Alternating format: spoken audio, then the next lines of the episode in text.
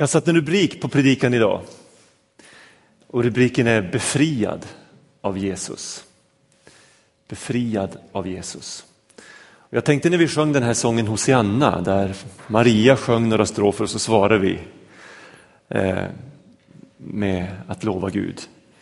Alla de stroferna, som jag tror den första strofen var eh, Han förlåter mig alla mina synder. Lovat var, nej, lova Herren lova Herrens heliga namn. Och så strof efter strof efter strof som handlade om vad Gud gör med oss. Och jag tyckte att det var på något sätt som ett, ett, ett, ett fantastiskt streck under allt det jag tänkte säga här idag. Befriad av Jesus.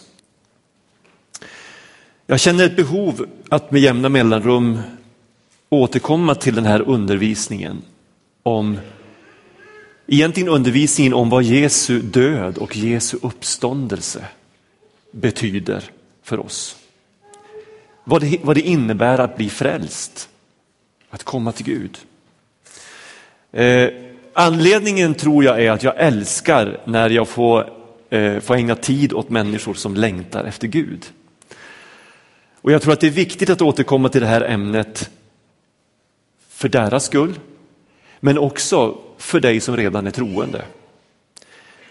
Det är nämligen lätt gjort att vi reducerar det kristna budskapet till enbart en lära. Någonting som vi ska tro på rent intellektuellt. Eh, men vi missar själva livet. Själva eh, substansen. Det är som Gud vill göra med oss var och en. Varför måste Jesus dö? Varför dog han för våra synder och vad innebär det? Är Jesus bara ett efterföljansvärt exempel som vi ska försöka efterlikna eller är han mycket mer än så? Är frälsning bara förlåtelse? Eller innebär frälsning också befrielse? Och vad menar Paulus när han säger i den text som, som Palle läste att vi är nya skapelser i Kristus? Det här är några av de frågor jag ska försöka svara på idag. Och jag vill läsa en text, eller två texter egentligen. Först ifrån Romarbrevet eh, 4, vers 24 och 25. Och sen ifrån Johannes 8, vers 34 och vers 36. Så här står det i Romarbrevet 4.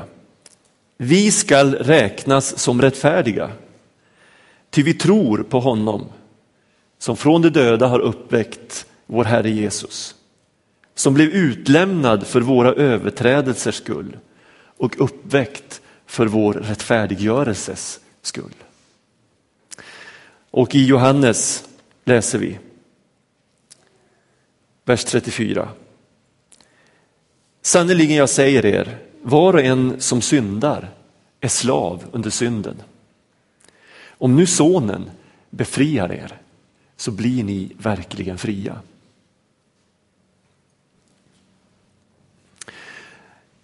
Får jag säga på en gång att frälsning eh, innebär att våra synder blir förlåtna. Men frälsning innebär också att vi blir befriade genom tron på Jesus Kristus. När du vänder dig till Jesus så ska du inte förvänta dig mindre än det. Du får lämna det gamla, du får gå in i någonting nytt. Och precis som Paulus säger så blir du en ny skapelse i Kristus. De här judarna som Jesus talade med vid det här tillfället när han säger det här, att var och en som syndar är slav under synden, men om sonen befriar er så blir ni verkligen fria. De protesterar mot det Jesus säger. Och Det de protesterar mot det är det Jesus antyder att de skulle vara bundna. Att de skulle vara ofria, ja rent utav slavar. Vad menar du med att vi ska bli fria? Får jag ta en bild? När människor håller på att frysa ihjäl så händer något märkligt i kroppen som gör att istället för att klä på sig så börjar människor klä av sig. Eh, jag har läst berättelser om människor som har befunnit sig strax under toppen på Mount Everest. De har inte klarat av att ta sig ner. Och de väntar bara på döden, att de ska frysa ihjäl. Och när man har hittat dem så kan de ha legat där med, med dundräkten uppdragen och handskarna vid sidan om och mössan eh, vid sidan om.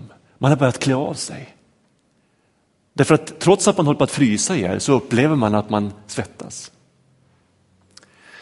Eh, jag tycker det här är en bild på hur oerhört fel vi kan hamna i tanken. Luther han säger så här, rättfärdighet det är den mantel i vilken Gud sveper in den människa som fryser i sin synd. Alltså Gud vet att vi behöver värme därför att vi håller på att frysa ihjäl. Han sveper in oss i sin mantel. En del tycker det är väldigt obehagligt att prata om synd. Och mer än en har vänt kyrkan ryggen därför att man inte stått ut med det här budskapet om att vi är slavar under synden. Och alltihopa det, när man vänder kyrkan ryggen på grund av det budskapet, beror på att man inte förstår vad det egentligen handlar om. Många skakar oförstående på huvudet åt allt prat om att vi skulle vara bundna. Och så bejakar man istället de mest nedbrytande, nedbrytande beteenden som fullt normala. Och jag skulle vilja säga att kylan har börjat göra vårt samhälle omdömeslöst och förvirrat. Utan värmen i evangeliet så kommer människor att frysa ihjäl.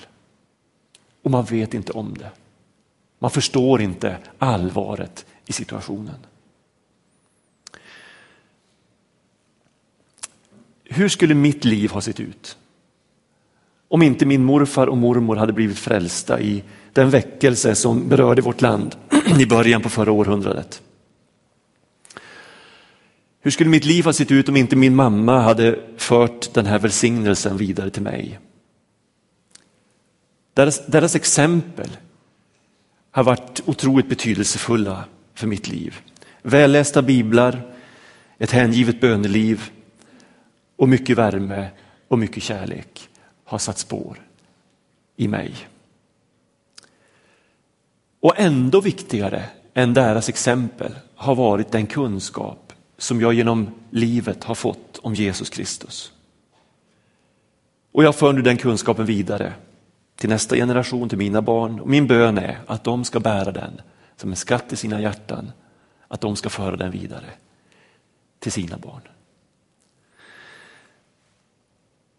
Så här står det i psalm 103, vers 17. Evigt varar Herrens nåd mot dem som fruktar honom. Hans trofasthet når till kommande släkten när man håller hans förbund och minns vad han har befallt och lyder. Och I Apostlagärningarna, i det, det där stället där Petrus sa omvänd er och låt döpa er så ska ni få den helige ande som gåva, så säger han, till löftet gäller er och era barn och alla de långt borta som Herren vår Gud vill kalla. Jag vet inte hur mitt liv skulle ha sett ut om inte jag hade fått möta Jesus i, när jag var barn, om inte jag hade haft förebilder i mina föräldrar, mina morföräldrar och så vidare. Men jag vet att min släkt är beroende av Guds nåd. Det finns ingenting i min släkt som gör att vi på något sätt skulle ha haft någon som helst större förutsättning att lyckas med det här livet än någon annan släkt. Vi har eh, hjältar och busar i min släkt som det finns i de allra flesta släkter. Och utan Guds nåd så hade det varit ute med oss allesammans. Det vet jag. Häromdagen så mötte jag en ung familj. Jag satt i bilen och körde och de gick på trottoaren. Pappan var, och mamman var märkta av drogmissbruk.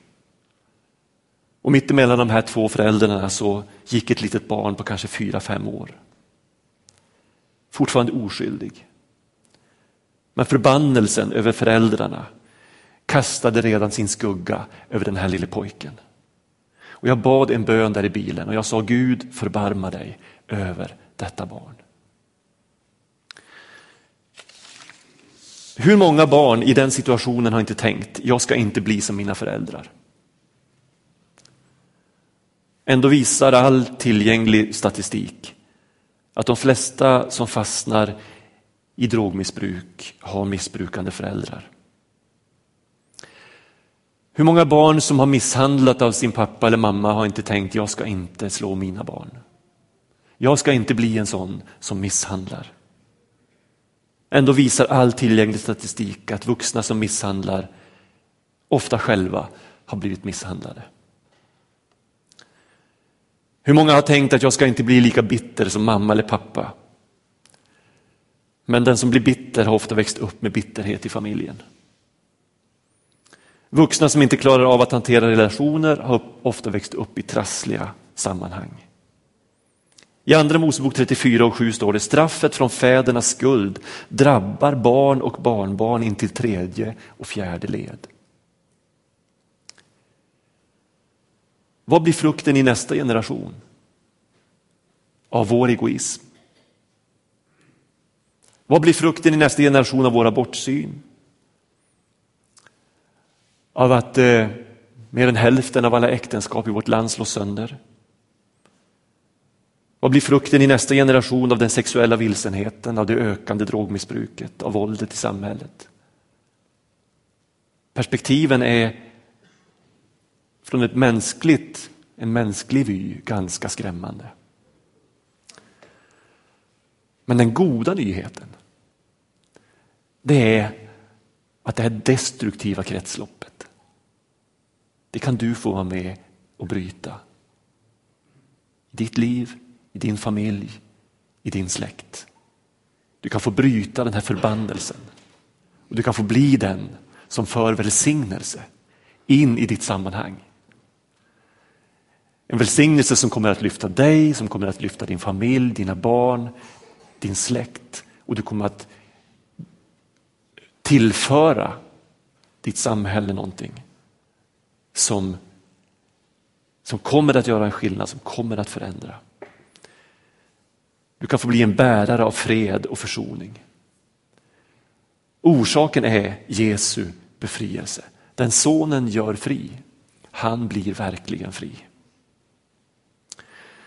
Det är ganska intressant att judarna i det här sammanhanget de talar, eh, eh, de, de hänvisar till Abraham när Jesus säger det här att ni är slavar under synden.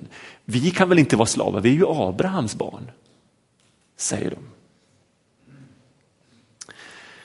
de. Eh, Abraham fick nämligen ett fantastiskt löfte från Gud. Vi läser det i första Mosebok 22, vers 18. I dig ska alla folk på jorden vara välsignade. De hade helt rätt i att Abraham hade fått ett löfte, men de hade helt missuppfattat eh, vad det här löftet handlade om. De trodde att det låg en automatik i att de var släkt med Abraham, alltså i själva släktskapet, att de var judar. Men Bibeln gör helt klart att det handlar om tro. Alltså den som i likhet med Abraham tror på Gud och tror på hans löften blir välsignad. Och ytterst sett så handlar det om tron på Gud, det han gör när Jesus dör och det han gör när Jesus uppstår. Vad läste vi i, i Romarbrevet 4? Jo, vi läste Jesus utlämnades för våra överträdelsers skull och uppväcktes för vår rättfärdiggörelses skull. Det är alltså tron på det här som för välsignelse in i en människas liv. Den välsignelse Gud talar om är nämligen en, en, en avkomma till Abraham. Eh, när han ger löftet till Abraham så är det alltså en avkomma till Abraham som ska åstadkomma detta. Och därför börjar Jesu jordiska släktstavla i Matteus 1 just med Abraham. Abraham födde och så vidare och så vidare. Och så kommer Jesus i den släkttavlan. Eh, så att i Jesus är alla folk på jorden välsignade. Det är det det löftet till Abraham handlar om. I Jesus är alla folk på jorden välsignade. Och den här välsignelsen tas emot genom tron.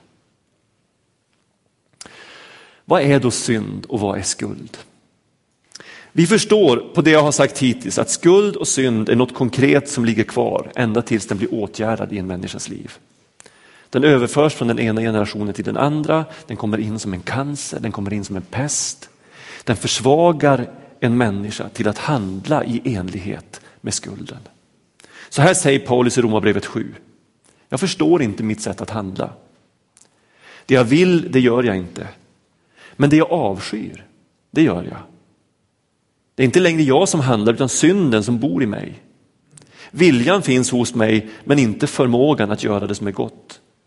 Det goda som jag vill det gör jag inte men det onda som jag inte vill det gör jag. Jag arma människa, vem ska befria mig från denna dödens kropp? Men jag tackar Gud genom Jesus Kristus vår Herre. Så skriver Paulus. Och vi börjar ana betydelsen av det Jesus säger när han säger den sonen gör fri. Han blir verkligen fri. Ska vi titta på Guds räddningsplan? I Romarbrevet 5, alltså nästa kapitel, så står det i den tolfte versen. Genom en enda människa kom synden in i världen och det var ju genom Adam som åt av den förbjudna frukten. Genom en enda människa kom synden in i världen och genom synden döden och så nådde döden alla människor därför att de alla syndade. Det handlar alltså inte bara om min barndom, det handlar inte bara om mina föräldrar eller mor och farföräldrar eller några generationer bakåt, utan det handlar om någonting mycket, mycket, mycket större än så. Det handlar om en grundskuld som vilar över mänskligheten. Gud varnade de första människorna. Han kände skuldens natur, hur den berövar människan hennes härlighet. Och det här hade han talat om för Adam. Adam visste detta. Och ändå gick han, som hade en alldeles unik ställning i mänskligheten, den här vägen. Och drog denna förbannelse över människan. Så att vi alla har följt i hans spår. Den första Adam föll för frestelsen och syndade och olydnaden mot Gud kom in i världen. Och från den stunden så gick mänskligheten vidare med en katastrofal försvagning. Skulden som tvingar till upprepning. Så nådde döden alla människor därför att de alla syndade. Går vi tillbaks till det tredje kapitlet i Romarbrevet så skriver Paulus i den elfte versen. Ingen finns som är rättfärdig, ingen enda, ingen som förstår, ingen som söker Gud. Alla har vikit av, alla är fördärvade, ingen finns som gör det goda, ingen enda. Och lite längre fram. Ty genom laggärningar blir ingen människa rättfärdig inför honom. Lagen kan bara ge insikt om synd. I den 23 versen står det alla har syndat och gått miste om härligheten från Gud. Ja, men jag är en präktig människa kanske du säger. Du kan inte jämföra mig med, med de där busarna som gör på det sättet. Eller? Eh, du kan inte säga att jag är som dem. Jag är ju en präktig människa. Jag försöker ju vara snäll och god. Det är väl inget fel på mig. Får jag använda en bild? Jag brukar använda den här i alfa. Ni vet att jag tycker om att vandra i fjällen. Tänk dig att du går på en glaciär. Och så, eh, och så eh, har det snöat lite grann och det har lagt sig lite tecken, snötecken över de här farliga sprickorna som finns i glaciärer. Så är ni två stycken som går där och båda har otur och faller ner i den här glaciärsprickan. Den ena faller djupt och slår sig nästan fördärvad. Han ligger där nere svårt, svårt skadad. Den andra han har lite mera tur, han hamnar inte riktigt lika djupt och landar på en mjuk snöbrygga och är nästan helt oskadad. Och han tittar ner på den där stackaren som ligger ner och tänker, åh stackars människa. Han är ju nästan död. Det här kommer, han kommer aldrig att klara det här.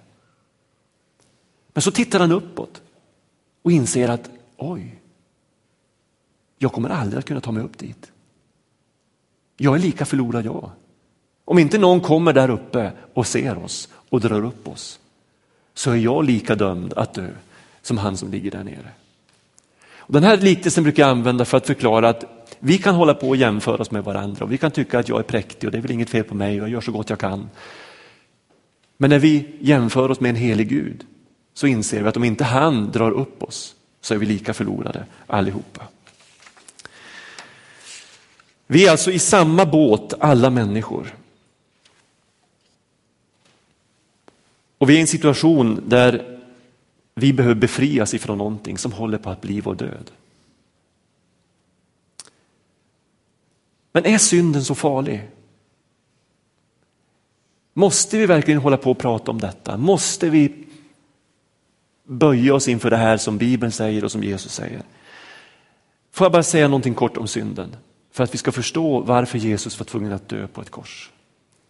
För det första, synden gör oss orena. Och det här med orenhet det är, det är ju ett, ett, på, ett, på ett sätt ett, ett subjektivt begrepp. Man kan säga att ett rum är rent men så skiner solen in. Och så märker du att det är inte rent här inne. Därför att ljuset gör att du ser det du inte såg tidigare. Johannes säger i sitt första brev, om vi säger att vi är utan synd, så lurar vi oss själva. Och vi gör Gud till en lögnare. Och hans ord finns inte längre i oss. Alltså att säga att jag är utan synd är någonting oerhört allvarligt. Vi gör Gud till en lögnare. Och hans ord finns inte i oss. För det andra så sa Jesus att den som syndade slav under synden. Alltså synden förslavar en människa under krafter som vi aldrig kan rå på i egen kraft. Om du nu säger att du är en sån präktig människa, tänk dig nu att alla dina tankar, alla dina ord, alla dina handlingar, bara under en vecka skulle projiceras upp på den där duken. Alla i den här kyrkan skulle veta allt du har tänkt, allt du har sagt och allt du har gjort. Så gissar jag att de allra flesta i den här kyrkan skulle tycka att det vore ganska jobbigt. Därför att det skulle visa sig att den där ytan som du bär, den kanske inte är eh, mer än en yta. Det finns ändå mycket där inne som du jobbar med, som du skäms över, som du brottas med.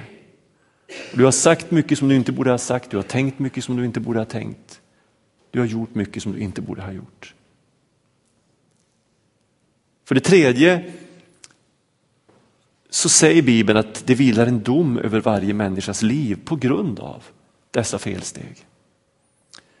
Och vi behöver inte gå längre än till vår egen tanke. Ni vet hur vi reagerar när vi tycker att, att människor råkar illa ut, när barn blir misshandlade, när, när gamla råkar ut för våldsbrott. Vi tänker den där människan måste straffas som har gjort det där. Problemet är att det inte bara deras överträdelse som måste straffas. Alla synder måste ställas under domen. Och för det fjärde, synden gör det omöjligt att ha en relation med Gud som är helig. Jag hopar alltså en skuld över mitt liv som driver mig bort från Gud. Skulden blir som en kvarn som obevekligt mal ner mig. Och skulden är den ondes allra effektivaste vapen. För det är med den han binder oss, det är med den han förslavar oss. Och när vi försöker resa oss så bara trycker han till. Och så mals vi ner och mals ner. Det man försöker göra i, i den, moderna, den moderna människan det är att skaka av sig den här skulden. Hon försöker knäppa med fingrarna och trolla bort den här skulden. Den finns inte. Tanken är god men metoden är dömd att misslyckas. Skäms inte är budskapet idag. Och så försöker vi befria oss från föräldrarnas inflytande genom att gå i terapi. Vi försöker dämpa ångesten med droger. Vi försöker dämpa med mycket annat, men vi kommer inte undan. Det behövs nämligen ett mycket, mycket tyngre artilleri för att komma åt eh, människans stora problem. Bara Gud kan rädda henne. Och vi möter Guds räddningsplan som en röd tråd genom hela Bibeln. Och som en sammanhållande eh, ton genom, eh, genom allt det vi läser om Jesu försonings, eh, om, om Guds eh, frälsningsplan så löper kärleken. Han älskar oss, han vill ha kontakt med oss. Genom hela gamla testamentet ser vi detta. Och så kommer vi till nya testamentet där det står om Jesus, han som inte visste vad synd var. Honom gjorde Gud till ett med synden för vår skull, för att vi genom honom skulle bli till ett med Guds rättfärdighet. Alltså Gud vill göra det stora bytet i ditt och mitt liv, där han tar det sämsta vi har. Det som har eh, orenat oss, det som har förslavat oss, det som, det, som, det som dömer oss och det som skiljer oss från Gud. Det vill han ta. Och så vill han ge oss det bästa. Sitt liv, sin kärlek, sin renhet. Eh, vilket byte han erbjöd, erbjuder oss. Och för att detta ska kunna ske så måste Jesus bli människa och dö på ett kors. Och för att kunna överlåta ett arv av rättfärdighet till oss så var han tvungen att uppstå ifrån de döda. Han dog för våra synders skull, han uppstod för vår rättfärdiggörelses skull. Och bara för att du ska förstå själva tanken med varför Jesus dog. Den första Adam, han kunde ha fört välsignelse över mänskligheten, men han gjorde inte det. Och hans, hans eh, misstag gjorde att hela mänskligheten ärvde en skuld som tvingar till upprepning. Jesus kallas för den andra Adam. Återigen får en människa på den här jorden möjligheten att föra välsignelse över mänskligheten. Och Jesus gör inte Adams misstag. Jesus lever i lydnad för Gud. Han gör vad han är kallad att göra, han dör på ett kors för mänsklighetens skull. Och kunde vi nu ärva den första Adam till förbannelse så måste vi ju kunna ärva den andra Adam till rättfärdighet och till välsignelse. Så det som händer när du tror på Jesus Kristus, det är att du byter ut den första Adams förbannelse mot den andra Adams rättfärdighet och välsignelse. Och det här, alltså jag, är, jag tror på detta så till sin spets. Att jag nästan skulle vilja säga att Gud går in i din och min DNA och gör en förändring. Någonting händer på djupet i en människas liv. När hon byter från Adams förbannelse till Jesu rättfärdighet. Genom tron blir du en ny skapelse i Kristus. Eh, och du kläds i Guds rättfärdighet och du får en ny utgångspunkt. Synden är i och med Jesus Kristus inget problem för Gud. För han har redan försonat hela världen med sig genom Kristus. Men synden är ett jätteproblem för dig och mig om vi inte vill bli kvitt den. Därför då står den där som ett hinder för oss att ha relation med Gud. Den skiljer oss från Gud, den stänger oss ute från det eviga livet. För att ta bilden av en dödlig sjukdom. Tänk dig nu att du har en dödlig sjukdom och så forskas det och så kommer man fram till en lösning på detta. Man, man hittar en medicin som plötsligt biter på den dödliga sjukdom som du har drabbats av. Medicinen blir ju inte ett tungt måste för dig, utan medicinen blir ju din räddning. Det är ju sjukdomen som är problemet. Det är ju den som måste åtgärdas. Och du kommer med stor tacksamhet och stor glädje att äta den medicin som har tagits fram som botar dig från din dödliga sjukdom. Det är inget annorlunda med Jesus Kristus. Tron på Jesus är inte en tung kravlista som vi måste klara av utan det är ett underbart budskap om räddning. Gud har i Jesus gett oss medicinen mot syndens dödliga sjukdom. Frälsning innebär förlåtelse och förlåtelse innebär att skulden tas bort i våra liv genom ett ingrepp från Gud. Kvarnen som tidigare obevekligt malde ner oss, mal inte längre. Den har bytts ut mot andens friska källa som Jesus talade med Johannes 7. Den som tror på mig från hans innersta ska strömmar av levande vatten flyta fram. Och när skulden är borta, ja då är tvånget att synda borta. Jesus har brutit förbannelsen och gett oss ett nytt utgångsläge.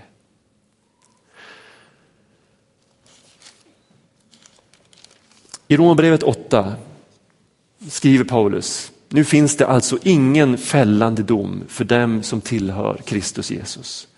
Till den andliga lag som gäller för livet i Kristus har gjort mig fri från syndens och dödens lag. Det som lagen inte kunde göra eftersom den kom till korta inför vår kötsliga natur, det gjorde Gud då han lät sin egen son bli lik en syndfull människa och sände honom som ett syndoffer. Då dömde han synden i människan. Därmed kunde lagens krav på rättfärdighet uppfyllas hos oss som lever efter vår ande och inte efter vår kötsliga natur.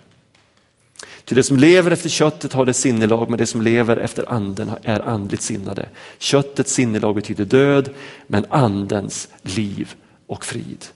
Och längre ner i samma kapitel. Vi har alltså skyldigheter, men inte mot köttet. Inte att leva efter vår kötsliga natur. Med andra ord, inte att leva utifrån den förbannelse som den första Adam förde in över mänskligheten. Vi har inga skyldigheter mot den förbannelsen. Eh, om vi lever på det sättet kommer vi att dö. Men om ni med ande dödar kroppens gärningar ska ni leva. Alla som leds av ande från Gud är Guds söner. Ni har inte fått en ande som gör det till slavar så att ni måste leva i fruktan igen. Ni har fått en ande som ger söners rätt så att vi kan ropa Abba, fader. Anden själv vittnar tillsammans med vår ande om att vi är Guds barn. Men är vi barn är vi också arvingar, Guds arvingar och Kristi medarvingar. Nu finns det alltså ingen fällande dom för den som är i Kristus Jesus. Tron på Jesus befriar dig till ett liv i seger.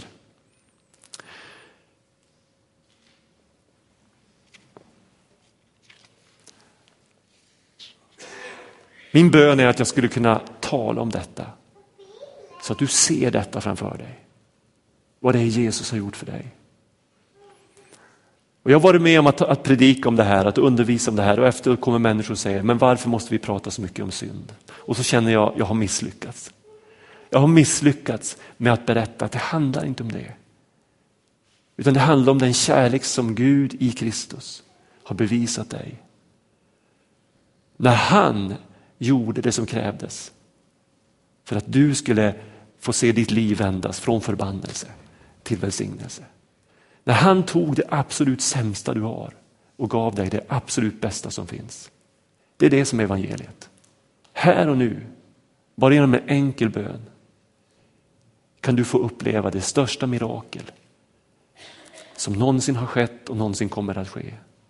Nämligen att en människa får kontakt med Gud genom att bli född på nytt och få den helige andes källa i ditt inre. Vi ska alldeles strax fira nattvard. Och nattvarden handlar ju om det här att Jesus dör på ett kors för vår skull. Och om inte jag kan tala om för dig hur ofattbart det är att Jesus gav sitt liv för dig och mig. Så är jag, vilar jag i att den helige ande kan göra det. Den helige ande kan måla i ditt hjärta varför Jesus dog. Och han kan måla i ditt hjärta att han gjorde det för din skull. Därför att han älskar dig. Så ta emot. Tveka inte en sekund till. Och skulle du ha trott på Jesus hela ditt liv men aldrig riktigt förstått varför Jesus måste dö, så ta emot igen. Säg Jesus, jag vill ta emot allt vad du har gjort för mig. Jag vill göra det här bytet här och nu. Gud välsigne dig.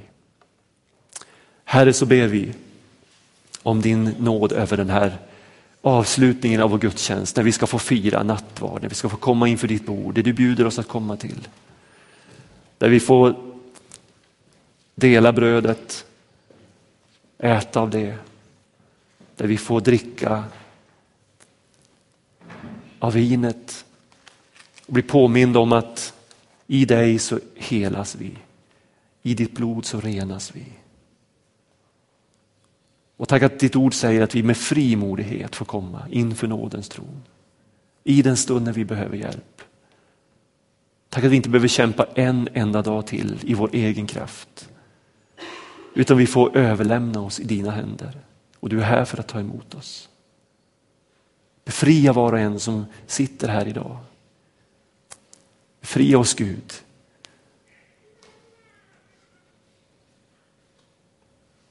I Jesu namn. Amen.